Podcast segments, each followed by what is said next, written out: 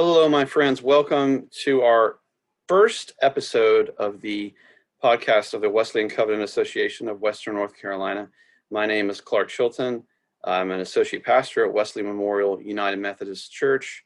And today we are very excited and honored to have a special guest, Keith Boyette, who's the president of the Wesleyan Covenant Association. Keith, thank you for taking the time for this wonderful conversation that many people are looking forward to. And we also w- welcome Reverend Angela Pleasants, who's the pastor of South Tryon Community Church in Charlotte. Angela, thank you for being with us here today as well. So, uh, Angela, I'm going to turn over to you. We have a lot of great conversation starters with Keith, and I know a lot of people are interested in current state of affairs in the Methodist landscape. Thank you so much, Clark. And it's also good to be here with you as well as with Keith. And uh, I guess we can get started and dive in. Actually, Keith, correct me if I'm wrong. I think when we first met, it was 2008 at the Fort Worth uh, General Conference. I think that's when I, I first met. I am confident that we met, uh, that we were together at the Fort Worth General Conference. So that probably is the first time we met. And by the way, it's great to be with Clark and you today. And uh, our friends in Western North Carolina who will join us virtually uh, and listening into this conversation. Thanks for the opportunity. Thank you. Thank you. I'm so glad you could be here. Uh, as we all know how busy you are. Uh, a couple of things we're jump right into uh, what I'm sure is on everybody's mind. And as I was just thinking through uh, the possibilities of all that is before us and one of the scripture passages that came to mind is probably one that's very familiar to so many people is Isaiah 43 19, which is one of my favorites. Uh, God said, He's about to do a new thing. Do you mm. not perceive it? It is springing forth. And, and, I think about that when I think about the new denomination. So just share with us a little bit um, what are some of the most exciting aspects of the coming new denomination? And, and with that, um, if when you're talking to people, um, what is it that just brings that joy, that spark to your heart to say, you know what, this is the movement that is for you? Well, sure, Angela, thanks. And that's a, a, a wonderful scripture from Isaiah. Uh, you know, Jesus talked about putting new wine in new wineskins, and we're very much living in anticipation, expectation of that reality. Um, unfortunately, we've known uh, 50 years of conflict, and we're looking forward to a new day when we can be wholly devoted and focused on the Lord's mission and work uh, amongst His people. So uh, there's so many things that bring joy to my heart in this um, as I look forward to that moment when a new denomination will spring forth.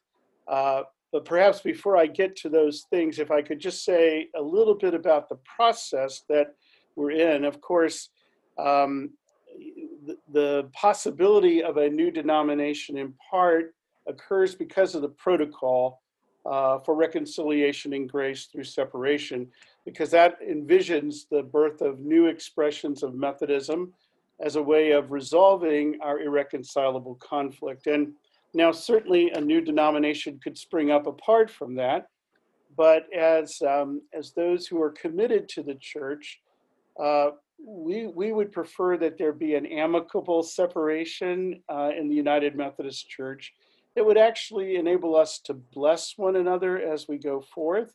We recognize that we have serious differences, but, um, but uh, having those serious differences uh, we know that uh, we hold in common our, our faith in the Lord Jesus Christ, um, though we might understand the outworking of that faith in different ways.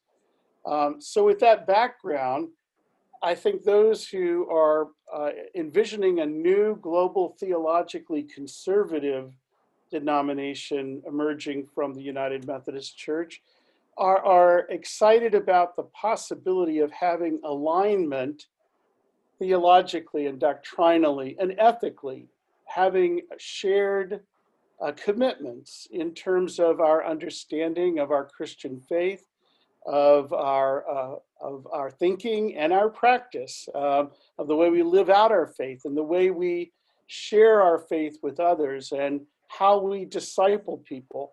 Um, the United Methodist Church uh, has many different understandings of those sorts of things, which has led to some of the conflict. Um, so our commitment to doctrinal, theological, and ethical integrity brings great joy to me. Um, I believe that right thinking leads to right practice. Right relationship with God leads to being able to represent Him well in the world. And a church that knows what it believes, that proclaims what it believes, and whose actions are consistent with what it believes is a powerful witness. And every one of us, as a Christian, live our lives under authority. We're called to hold one another accountable. Now, that, some people see that as sort of legalistic, but it, it's not at all. It, it, in fact, uh, Paul talks about how our being held, held accountable uh, frees us for joyful living. And, and so accountability ought to actually uh, you know, raise us up in our walk with God and, and give us freedom that we don't otherwise know. So that's one thing. Um, I, I, could go right on here, so you feel free to jump in. I, have given a lot of thought to this. Um, uh, another thing that brings me joy is, uh, you know, I've always been a person who believes my, my primary calling, whether uh, for the number of years that I was a layperson, and then for the number of years that I was an ordained clergy person, my main purpose was to tell people about Jesus and help them understand how much he loves them and how much he longs to be reconciled to them and them to him and and for them to become disciples of Jesus Christ. And and this new church that we're envisioning, we say its its its mission is to make disciples of Jesus Christ who worship passionately love extravagantly, and witness boldly. That excites me because to me, that's the essence of the Christian faith making disciples who make disciples who make disciples, that multiplication, um, helping people reconnect with the one who is the ground of their being, uh, the, the author and finisher of their faith, and have a, have a vibrant relationship with the Lord Jesus Christ. Um, so that excites me. I could go on.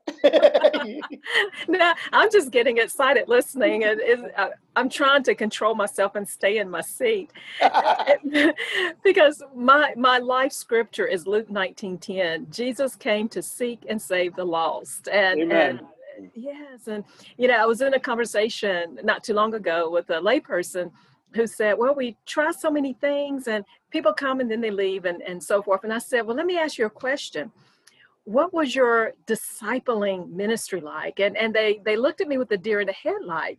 I said because it's if they come but if they don't understand why they come and we have to share the gospel good news. Uh, i love paul's words i'm not ashamed of the gospel of jesus christ. And so it, that's something that i think many of us um, we I don't want to say we leave out, but we're so intent on trying to get people in to fill a pew, but we're forgetting this is soul. These are souls that we're ministering to and introducing Jesus to. So I'm excited about what you're saying. Well, amen. I, I would confess, and I think many um, clergy of my generation, and by the way, I'm realizing the generational things here. You know, I used to consider myself young. I still do, but then I look in the mirror, you know, and I, I realize I'm not as young as I thought. But I, but I would confess that uh, a lot of what the church has been, I would say, has been programmatically oriented.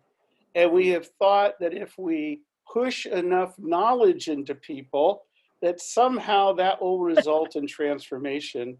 Hmm. And I repent of that. Uh, I mean, I love a good lecture. I love a good video. I love I love reading books to learn more, but the Christian walk is a walk of transformation, of being changed, of that knowledge doing something in our lives that take us from where we are to be more like Jesus in our character and our life. And, you know, of course, Wesley John Wesley, um, uh, you know, he he and those who ministered with him uh, focused on those class meetings and those bands where, yes, people experienced knowledge, but more they experienced that life to life, iron, iron sharpens iron kind of movement that um, built them up as disciples of Jesus Christ. And I'm excited that we are focusing on that as the engine that drives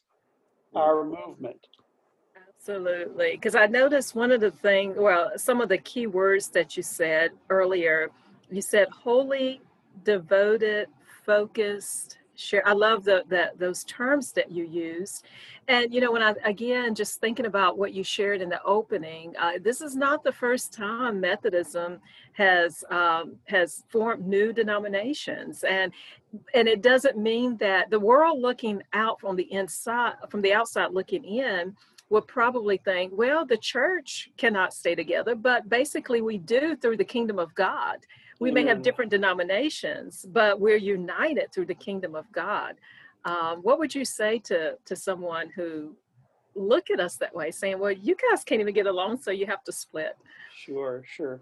Well, I, I actually I think um, the way we handle our difference differences here is a huge witness to the larger community there aren't many models for how those who have different fundamental beliefs can bless one another in their parting and see each other will actually desire for each other to bear fruit. Um, um, I will let God sort out. In fact, I pray every day, come, Lord Jesus, would you return? Then we won't have to wonder anymore. but, but, uh, but, until Jesus returns, um, you know, we, we have firm faith commitments here that we believe we're called to stand upon. We do not uh, judge or, or dislike or hate other people. We, we are, desire them to earnestly come to know Jesus as well. And, and so um, I think what happens as uh, a faith community goes through what the United Methodist Church goes through is that there is a, a clarity of commitment and passion. Right now, our commitment and passion as part of the United Methodist Church on all sides, I'm going to use the term is watered down because we try to find what you might call the least common denominator, what will hold us together minimally. And I'm not sure what that is anymore. I would have said it's the institution that holds us together, but we don't even have unity in the institution anymore. And so I think the world is looking for people who are, I'm going to use the word sold out for what they believe who believe that they're they're prepared to put everything on the line um, for the one who has laid down his life for them. And um, I'll trust the Holy Spirit to help people understand why there are different expressions of Christianity. We are part of one universal church. What are some uh, aspects of the coming church that might surprise people to know? Wow. Well, I, I, as I was thinking about that question, I thought, well, we've written so much. I, I hope there's no surprise for anybody anymore. We've tried to lay it all out there, but um, but but eh, but uh, the other on the other hand, I every day I find someone who's like just waking up and finding out that this journey is underway. And so what I think may not be a surprise may really be a surprise for other people. So so um, you know, among the things that I would point to is um, um, over, we're, we're Methodist, so we're very methodical. But over the decades since Methodism began here in the United States, it has become less a movement and more an institution, uh, more uh, more organizationally minded than mission minded. And so I think one thing that might surprise people is that we have elevated the value of um, deinstitutionalizing what we see, of, of actually turning things on their head to say that what drives us is what happens in the local church. That is the that is there the local church is on the front line of missions and everything that we do beyond the, the local church, behind the local church, ought to resource, empower, and deploy the local church. It ought to serve the local church. So we envision a streamlined structure that, that really the footprint of the general church is very small. Um, we, we don't intend to have boards and agencies that are staffed with uh, tens or if not hundreds of employees where the local church um, doesn't really see how those individuals are serving them, but rather they feel that money's going from them to support that that could be deployed more effectively in ministry. So we desire to see more of the resources kept in the local church for the local church to uh, deploy. A, a, second thing I think uh, that would surprise people, you know, there's been talk for years about how laity and clergy are partners in ministry. And, um, you know, we've done various symbolic things in the church to try to demonstrate that. But um, my experience has been that uh, we have professionalized the ministry. Um, and we really want to turn that upside down as well.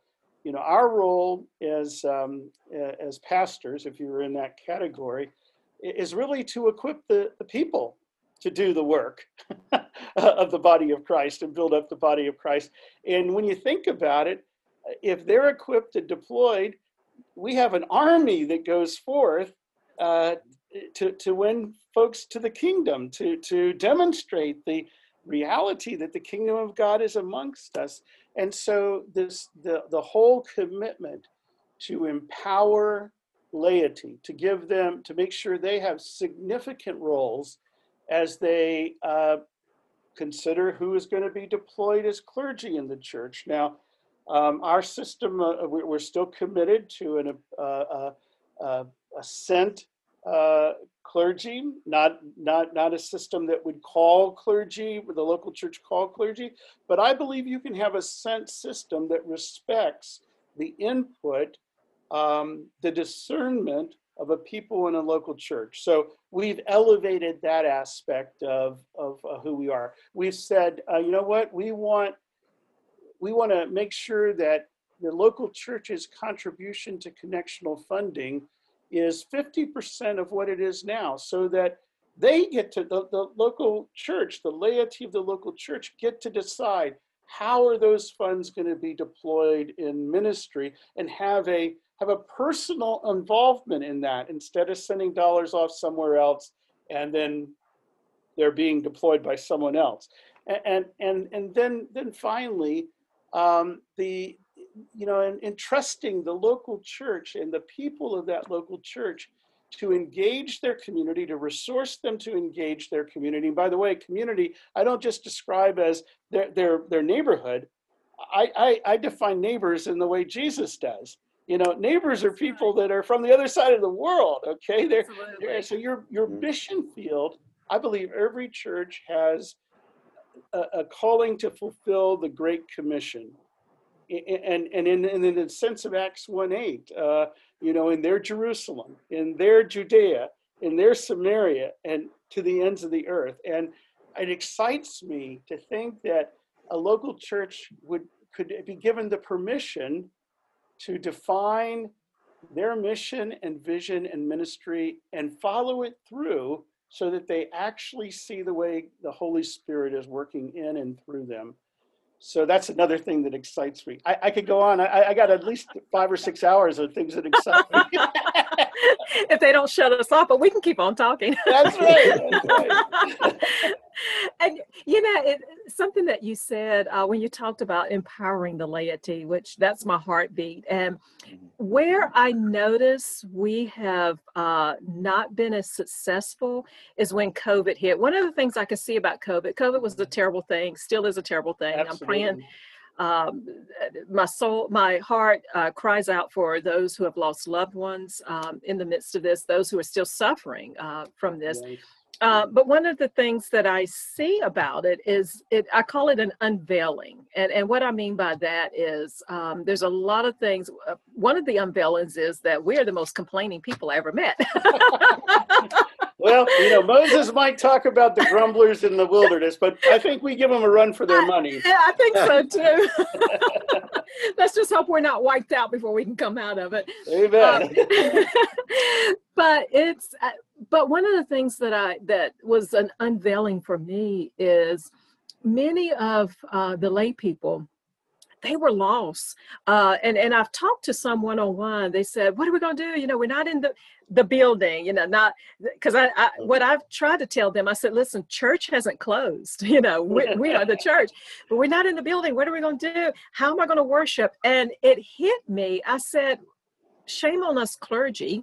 Uh, we have not empowered the lay laity. And one of the things that um, we should have been teaching is that revelation and encountering and understanding yes god used people he used pastors he, he used different people but he's also within us Amen. the spirit of god is within us and first corinthians teaches us that it's the holy spirit that understands the things of god and reveal it to us those who are spiritually discerned so even though we were at quarantined in our homes church should not have stopped and and i said well did you instead of posting political things on social media did you post a sermon out there did you post now you're going and meddling. oh meddling Hey, you're right. You're right.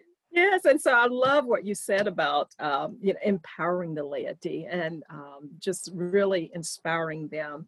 Um, you also touched on something in what you just shared, and I want to go a little bit deeper with when you you mentioned, and I'm glad you expanded uh, the community because most people when they hear community, they think right there around their own local church. They don't realize this is a, a global. Uh, uh, the whole world is our parish. This is global Mhm. and and assuming that the new movement of course the new methodist denomination will also be global. I know recently uh, you called together a task force to work with that. Share how did you um, how did that come about with you and the council?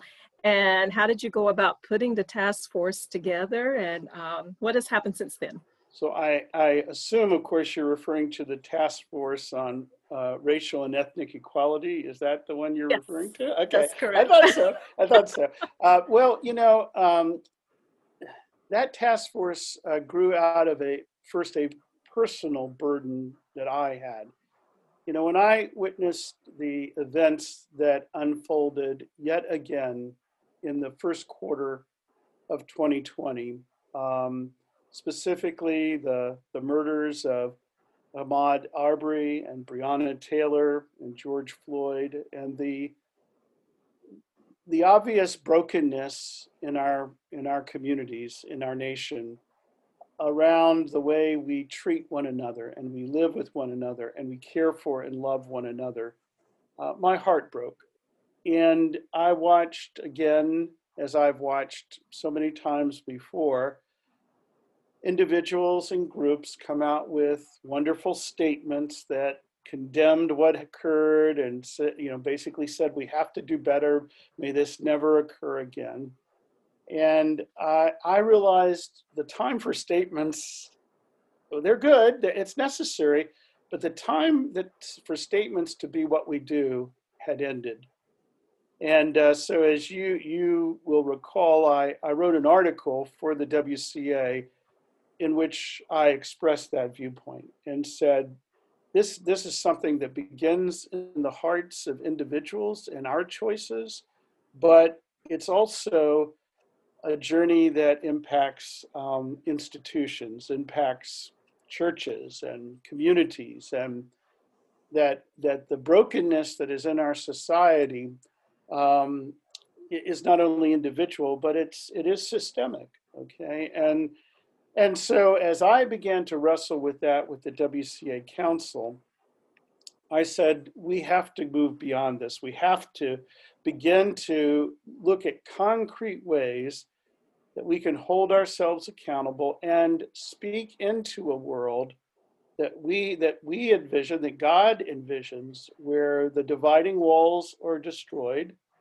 where we affirm uh, the image of God in each of us, uh, where we stop categorizing and stereotyping um, people, where we begin to receive one another um, for who we are as gifts from God with uh, unique uh, abilities, uh, experiences that enrich us if we can just encounter one another as children of God, as brothers and sisters in Christ. So um, we proposed, uh, and the WCA Council agreed to form a task force that would specifically focus on this journey. And, you know, we realize we only can say grace over what we're part of. So we asked the task force first and foremost to look at what the WCA was doing. What, what is the Wesleyan Covenant Association doing to advance truth and reconciliation and uh, healing and equality uh, among amongst peoples, not only here in the United States, but globally, because this issue is not just a US issue. We know that it's played out in other ways because of tribal differences and all in, in other parts of the world. So, how are we responding as a movement to that? And then how could we as a church, a new denomination, build into who we are uh, those things that would promote equality and truth and reconciliation and justice um, going forward. And so um, um, we, we asked 15 individuals from here in the United States and seven individuals from outside the United States to be part of this task force. And we found the absolute best chairperson that existed on the uh, face of the planet at the time, okay, uh, Angela to be our chairperson of that. And she has, of course, provided outstanding leadership. Um, the, uh, the persons who served on this uh, task force were uh, from the Democratic Republic of Congo, from Zimbabwe, from Nigeria, from Cote d'Ivoire, from Burundi, uh, from Romania, from the Philippines. Um, and I just said, you know, we were trying to do away with seeing uh, people by category, but we wanted to make sure that the task force had a diverse group as part of it. So we asked uh, uh, three uh, African Americans, three Asian Americans, three Hispanic Americans, uh, three Native Americans, and three Caucasian uh, or white Americans to be, or European, uh, whatever word you want to use there, Americans to be part of that task force because for too long, I've heard people say, well, it's wonderful that you've gotten this group together, but I don't see myself in the group. Now, we probably didn't get everybody that we needed to, but we sure did try. And we had, we had folks, and, and the, you, you will have to comment on this. I sat in, but the conversations that this task force had were rich and deep and and uh, it was a it was a wonder to experience the global nature of our church in a way that I think uh, few people have ever ever had, and and really whetted my appetite, my hunger, my longing to see that realized in a church that doesn't even let distance or economic dis- differences or any of the things that seek to divide us let any of them get in the way of us truly connecting. Now, you tell me about your experience and all of that. Oh my goodness. Uh, this is one where I think I could talk for hours. it was, I, and I shared this with a few, a few of my friends. Working with this team in my 22 years of ministry was the best team ever in the life of the church I have worked with. Um, even now we, we've completed our work uh, what now is it, it is going before the council but we're still calling each other i just have to uh, somehow i have to get it through to my friends uh, uh on the other side of the world don't call me two o'clock in the morning. that is a challenge in this. I got a call two o'clock. So time difference, but it, it is just wow. I, I think one of the the things that we came away when you said the category piece. Uh, if you were to ask all twenty two of us together, uh, what category we will all say the human race. Amen. Amen. Um, if I had to take uh, bring takeaways from that, we did get into a lot of deep discussion. But one of the the things that we came away with was um, in the in society now it's almost like they are so intent on trying to right wrongs so to speak. Um, going back to the past and how can we right that wrong? Well the reality is it's history. Uh, we we can't go back into history. We can't we cannot time travel back to try to change what happened. We can learn from what happened be strengthened by it. But let's look at you talked about the new wineskin. Let's put new wine into the, the new wineskins. Let's let's see what we can do here and go forward. Um, and it's that is what we brought out of our time together, building upon something new. Jesus has already set the paradigm uh, on the cross when he tore down that dividing wall. So that work is done. That that was the hard part. He did it. Amen. Now, we have the and, and he also did the other hard part, which is transformation of our hearts. because that's where it begins um, it's, it's not enough. I think about Esau. I think it's uh, Hebrews chapter 12, uh, maybe around verse is it 17, where uh, it said he he sought to be. Uh, uh, he was so sorrowful and he wanted forgiveness, but he was not given it. Why? Because he did not repent. Uh, mm so it begins there with with our repentance and and coming before him. I remember when over the summer uh, you mentioned george floyd and they started uh, they said let's let's take down the statues let's do this. And i remember saying okay you can take down statues you can take down flags but what about the heart? If that has not changed those are just objects. What about the transformation of the heart Mm-hmm. And we also talked uh, and looked at, and you touched on that as well, in the global um, aspect. It, the way we view race here is different from our brothers and sisters in Romania or the Philippines. I remember uh, hearing the story about the Philippines. It's more the, uh, they work it's the indigenous people uh, in different parts of different countries in africa. They deal more with tribalism. So we all have different aspects but the root system goes back to the same. And and that's that root system of sin and pride and injustice that we have to uh, to tackle. And and as i said that comes through jesus christ. So we kept the gospel as our focus and our center. Uh, the other thing that we talked about was here, particularly in the United States, we use the term race reconciliation. And uh, to me, that's a misnomer. One reason why, because uh, if you look at race, we're, we are the human race.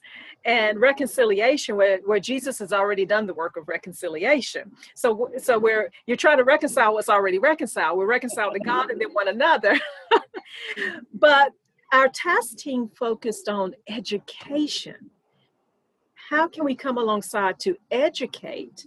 And and it people need to understand their history. Different countries are going to have different stories of their history. For example here in america race became by skin color as a social construct to keep a group of people subjugated so they begin to develop this social construct. If you have more melanin in your skin, darker skin, then you are less than, et cetera. So that's how the, the race developed. So it's educating people around that. But most important is, like I said, keeping the gospel as as the center focus of how we can in Christ move forward from this. The other thing we talked about is we need to celebrate more. There are places that are living into the, the healing of the different people groups. So, what can we do publicly uh, to celebrate that and, and to lift that up. And, and there were uh, other aspects that we talked about as well. But the most important thing was um, understanding where we all are. We're all at different places with it, but let's not try to keep righting old wrongs, mm. but let's see what we can do now into, and there's a scripture again from Isaiah into this new thing that God is doing. Uh, Angela, you know, for years, I one of my one of the prayers that I have prayed on a recurring basis is, uh, God, would you break my heart with the things that break your heart? Would you, would you just help me to experience what other people are experiencing and help me to see the dreams that you have uh, for them? And would you help me to see how you want to use me in those circumstances? And, you know, uh, part of it is our, our risking and our being, hum- being humble and our having a servant attitude. I, I, one of the recommendations, and like you say, this report uh, is on its way to the WCA Council, and ultimately it will go to the Transitional Leadership Council of the new denomination. Um, but one of the recommendations that I was uh, touched by was uh, the call to to say let's let's look at sort of the leadership bodies that we construct wherever we are, and if there is a lack of the diversity, and we're not talking about quotas here, but if you look around the room and everybody looks the same, the world's not the same out there. So, can we honestly confront that? And would we have the humility, if we serve on a body like that, to say, I'm going to step down or step aside so that someone who is different from me, say, who brings a different experience and all, can be here at the table. The other thing I thought that was really uh, powerful in the task force's report, you know, um, churches sometimes become islands unto themselves, turned in on serving who is at the table each week. And they and, and, and the world can change around them and they can they can become so isolated from the community that they no longer are the witness for Christ that they are called to be in that community, in that neighborhood. And the call for us to for for for our churches to be much more invest, invested in that um, kind of I guess I guess the word I've heard recently for that is contextual intelligence, understanding the context in which you live, so that you can minister to it. The truth doesn't change that you share for the context. But you know, Paul said, I, I'm all things for all people so that I might share with them the, the love of God, the truth of God. That I don't change the message, but I I meet them where they're at. That's Boyette's translation of that passage. It's not very accurate, but I hopefully caught the spirit of it. It's close. hopefully I caught the spirit of it. And Angela, one of the things I was really excited about in the task force report was the way you, the task force talked about how churches can become sort of unaware of what's happening in their neighborhood. And the task force report encourages churches to be much more intentional uh, in surveying and taking a look at and connecting with the neighborhoods in which they're located. And I think um, you know your ministry right now is a great example of that. Could you could you share a little bit about that? I think it would be an encouragement. Yes. Oh, I would love to. Uh, the church where I am is South Tryon Community Church, which was planted many years ago as a uh, missional community. So they they were planted for uh, to reach out to the affordable housing uh, that's there, Brook Hill, and on one side, South Side Government Homes. On another side, uh, we have uh, people that come through that are homeless, uh, ex-convicts, uh, just all different walks of life. People who I call are, are on the margins. And because of gentrification, now the area, we still have that community, but then you walk across the street down the road a ways and you have half a million dollar townhomes. uh, the, the light rail of Charlotte comes that way, so we have a lot of foot traffic and it's an amazing place to be at. I recently had a meeting with our leadership team and in sharing with them, I, I, said, let's look at our community. Many of the people that I've talked to out, especially those who live close by and who walk every day or get off the bus, they many of them, like for example, one young man that I ran into, 50 years old, has never been churched a day in his life. and he, he started coming to South Tryon, even in the midst of COVID, he joined. Uh, he gave his life to Christ and joined. And so we're discipling him now. But there are so many like that. So your traditional Sunday morning church they don't quite understand, but this is what the church has done since they were planted. I said, but what would it look like if we talk with them and, and see what their needs are? So in April, we are going to launch instead of uh, your traditional Sunday morning worship. Uh, our our worship is going to be Wednesday evenings outside, uh, food trucks, different other um, activities like that. And we will have one of the men on the team is a musician. So we will have music, but the sermon will be addressing the needs of the community because this is a community that live in the moment. Uh, many of them do not know where the next meal is going to come from. Many do not know if they're going to have a uh, shelter over the head at night. So the sermons will be biblical, but again, addressing where they are in that moment. It would also become a network hub. Uh, for example, what can we do on the inside of our space? Uh, maybe, and one example I gave was do we develop a bakery? We have this beautiful commercial kitchen. Do we turn it into a bakery? Maybe we can employ some people from the community at that time uh, to work in the bakery as well as baking bread to help those who don't have the bread to put on their table. So again it's just addressing the, the needs in the community and uh, partnershiping with the, the school that's right there in the community and working with them. So i've partnered i've talked to INLIVIAN, which is the housing authority, and the vice president of the community engagement with the housing authority. We have partnered with him as well as some of his social workers and counselors uh, to uh, make this happen. And so I'm really excited about that.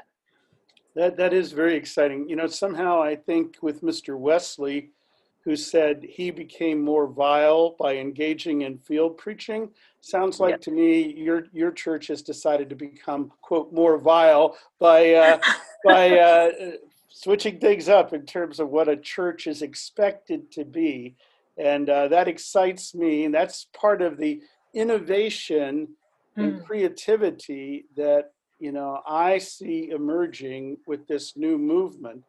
Um, yes and the permission giving that we want to have. So, so uh, and and I and I can see how that connects people across those things that have historically divided us.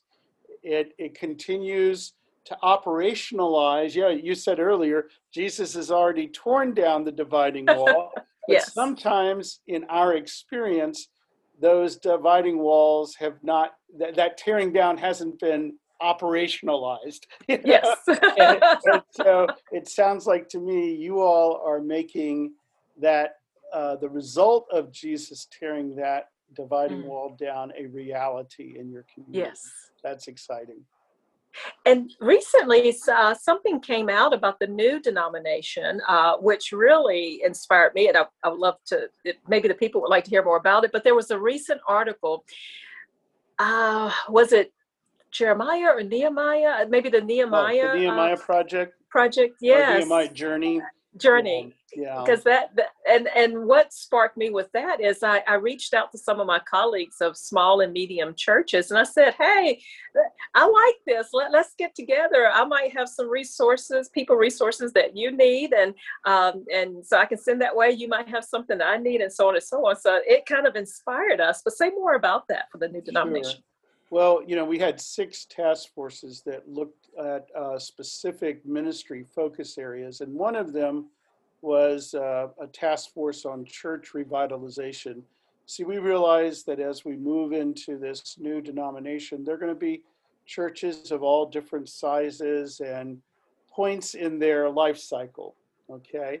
Uh, and and the reality is that there are churches in, in, in our movement and in, in, every part of um, Christianity that are maybe at a plateau or maybe uh, are experiencing some decline and um, and they're they're longing for revitalization. So out of out of our task force on church revitalization one of their proposals was uh, that we go ahead and begin now before we're officially operating as a new denomination, a pilot program to invest in those churches who desire to begin that revitalization process now.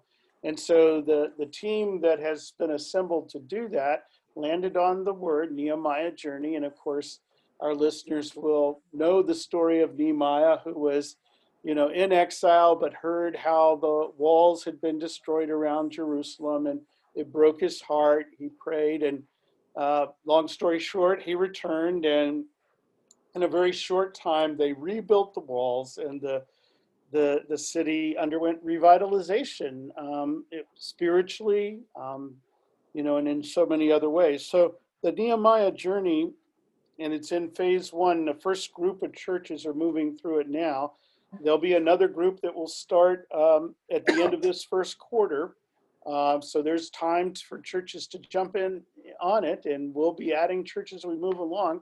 It's an opportunity for uh, laity and clergy in a church to uh, first uh, uh, do what Nehemiah did, knowing the knowing the conditions that are, are around them, to go to the Lord in prayer, to seek the face of the Lord, and to seek His heart for the renewal of the church, the revitalization of the church, and then it'll move into the development of of concrete things that the the church will and the leadership will be will agree to do to you know uh, perhaps express a renewed vision uh, for the church uh, perhaps to uh, learn new things about the way god is calling them to interact with their immediate community and with god's kingdom all over the world um, so so uh, it, it's an exciting opportunity i think for Mhm. churches to existing churches to know that that hey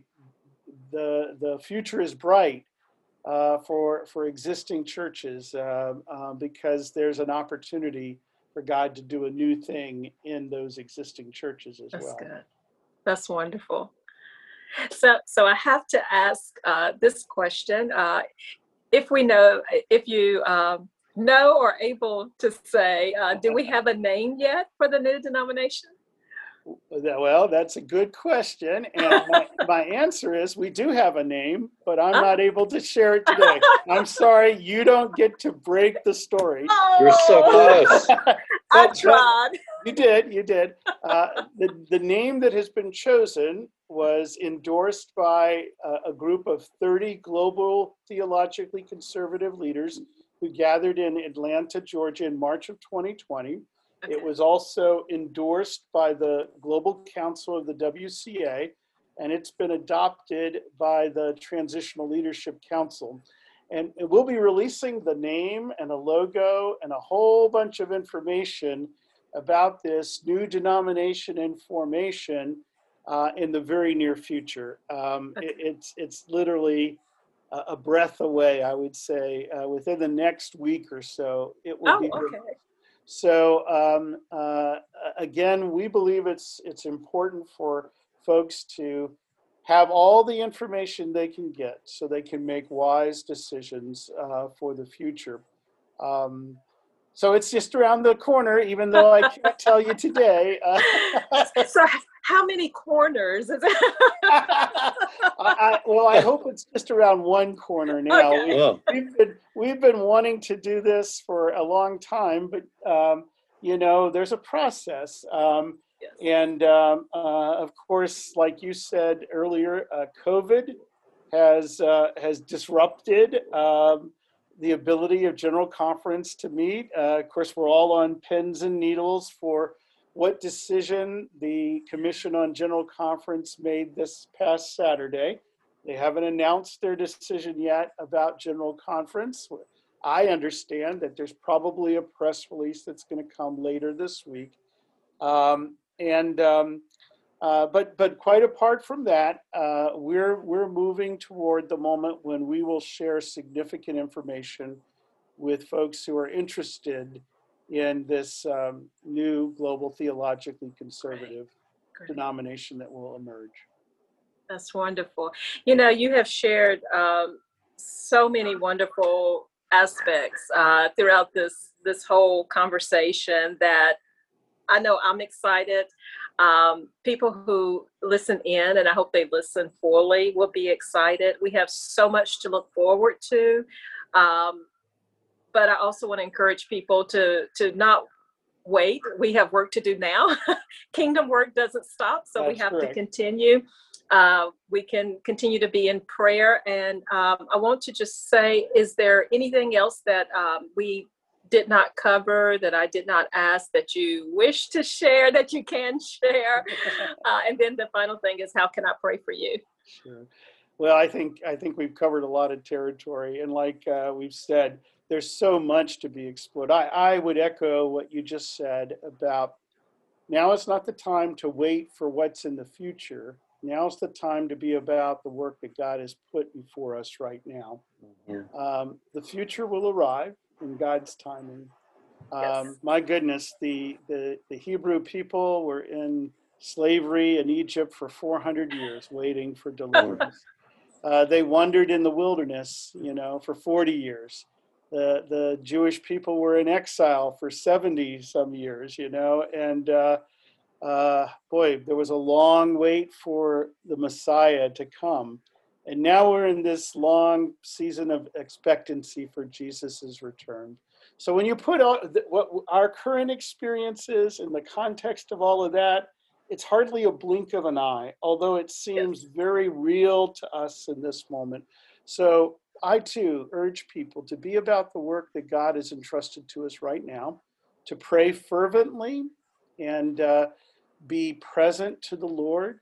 Uh, he's preparing us. He's doing new things. He, I, I taught a middle school uh, Sunday school class yesterday in the church I attended, and uh, one of the questions that the young people focused on is, why does God delay sometimes when we're praying so hard Mm, uh, and and he and he delays in answering our prayer. And and one of the young people said, maybe he's trying to teach us some lessons in the waiting. ah, And I thought, wow, that's an insight that is beyond this young lady's years, you know. yes. And uh, many adults Wow. need to learn that lesson that God is teaching us things in the midst of the journey. So prayer is essential. I would urge people not to be anxious. There's all kinds of things to get anxious about, but our trust is in God. Our fear is not of man. We should have a holy awe and reverence for God and, our, and a fear, a holy fear for Him. Uh, and, and that'll, that'll sustain us. Um, Angela, it's been a real delight to share with you. Of course, one of the joys of this past um, season, month, many months, has been, a, been, been being able to work with you as you've chaired this task force. And um, you're, you're one of God's gifts uh, to Oh. us in this journey. Thank you. So I'm grateful for you. And and Clark, you've you've been the silent partner in this conversation. I see you. I don't know if others are going to see you. So, uh, but but uh, but your voice, your your your presence here has been huge, and I'm Yes. grateful for what you're facilitating. Um, thank you all very much for this time. I will share something. Um, your words about waiting sparked something in me. I remember before, when I was single, before I met my wife. Um, you, when you're single, you're always waiting with expectancy. You're eager. You're expecting that marriage just to come fix all your problems. So when you're a young person, and um, I remember during the time of prayer when I was in my early mid twenties, the Spirit of God laid on me to to don't expect what's coming to to make it all better. Let me work on you now, so that when it comes, you're ready for it. That's good. Step into being a good husband now, before you're a husband. That's right. And uh, I never forgot that. It was it was wisdom from God. I can't take any credit for it, but it's the same thing to anyone listening to encourage you. Go ahead and step into what yes. is calling you to be and do in this new Methodist movement. Don't wait for something to come, but with faith, step forward and and and God will will meet you there. But let God mold us into the people we need to be now. Uh, and I think good things will result from that. So Excellent. Thank you, Clark. That is, There's- that is amazing. Wonderful. there's my my little preacher moment. A good note to end on. A good note. Yeah. Excellent. Well, thank you, Keith. We really appreciate you, man, and uh, we'll probably we'll probably do this again at some point in the future. Thank you. Love to be with you all again. And Thank praying you. Yeah, thank you so much. I would, uh, if, if it's okay with Clark, I would love to have prayer and then we'll turn it over to Clark. Okay. All right. Let us pray. Gracious Lord, we, wow, this has been such a rich, rich conversation. And I cannot help but smile when we talk about the many years that our, um, the Israelites and many others have, have waited. And there are many of us who want to be like Simeon and say, My eyes have seen and Amen. beheld Christ. Uh, so, Father, open our eyes to the movement, your movement, your spirit all around us uh, in this time of waiting. I know that you give us perseverance, you sustain us, you uphold us, uh, you mount us up with wings as eagles. And give us the strength to continue to go forward in this race. And so, God, we thank you. We thank you for Keith and his ministry and, and all that he has done to make this this time possible. Father, large shoulders that he's had to bear up a lot and, and teams that have worked alongside him. We are so honored and thankful for them as well. So continue to pray and, and bless him and all that he does. And as we said earlier in Isaiah, that you are doing a new thing. It is coming forth. Do we not perceive it? Yes, we do. And for that, God, we say thank you. We praise you. We honor you in Jesus' name. Amen. Amen. Amen.